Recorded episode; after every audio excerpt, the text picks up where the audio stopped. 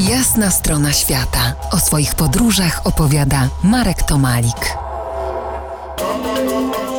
Moim gościem po jasnej stronie świata jest dziś Kuba Urbański, podróżnik zafascynowany tradycyjnymi społecznościami, które przetrwały w izolowanych rejonach świata, a także członek elitarnego klubu Explorers Club. Z wykształcenia biolog molekularny, z doktoratem porzuca uczelnię i gna do dżungli, do Papuasów Iranjaya, czyli do tak zwanej Papui Zachodniej, obecnie prowincji Indonezji. Domyślam się, że nie było przymusu na to zesłanie, tak? Mm, dzień dobry. Nie, oczywiście nie było przymusu, była to całkowicie e, autonomiczna decyzja.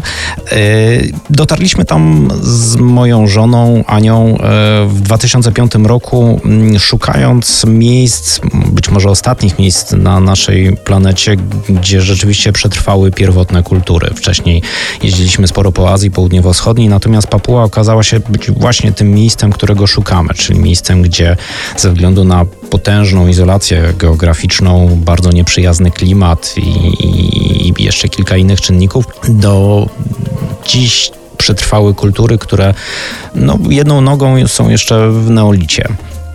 Od 2005 roku wracasz, wracacie tam jak dobrze, jak dobrze wyrzucony bumerang. E, to są miejsca na Ziemi, które są uznane, tak jak powiedziałeś, z naszej, z naszej, powtarzam, perspektywy za najdziksze, najmniej skażone cywilizacją w naszym rozumieniu. Czy jednak nie lepiej pozostawić te miejsca samym sobie, tak aby zostały takimi, jakimi są jak najdłużej? Jak uważasz?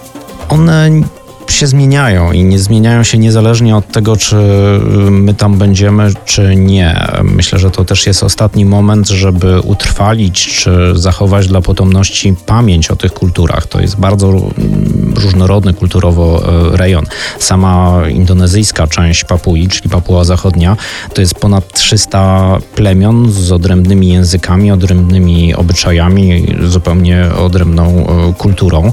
Mm, I to znika w oczach. Nie znika dlatego, że przyjeżdżają tam turyści czy, czy podróżnicy, dlatego, że dociera tam dosłownie garstka ludzi e, z zewnątrz, natomiast dlatego, że po prostu dociera, przenika, penetruje to wszystko cywilizacja i dosyć drapieżna i, i pazerna gospodarka indonezyjska, która po prostu dobiera się do surowców mineralnych czy surowców naturalnych, które są tam na Papui. I to kontakt z Indonezyjczykami chyba tak naprawdę najbardziej zmienia te kultury.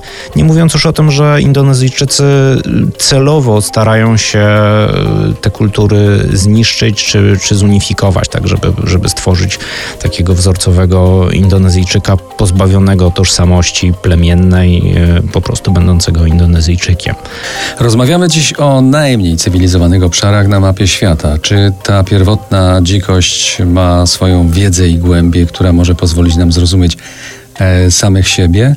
Do rozmowy z Kubą Urbańskim powrócimy za kilkanaście minut.